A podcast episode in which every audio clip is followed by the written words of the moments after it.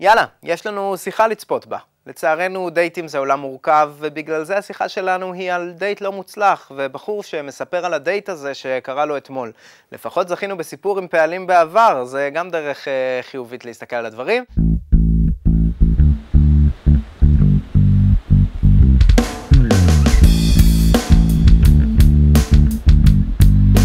ايش ابو العبد حبيبي شو الاخبار الحمد لله الحمد لله.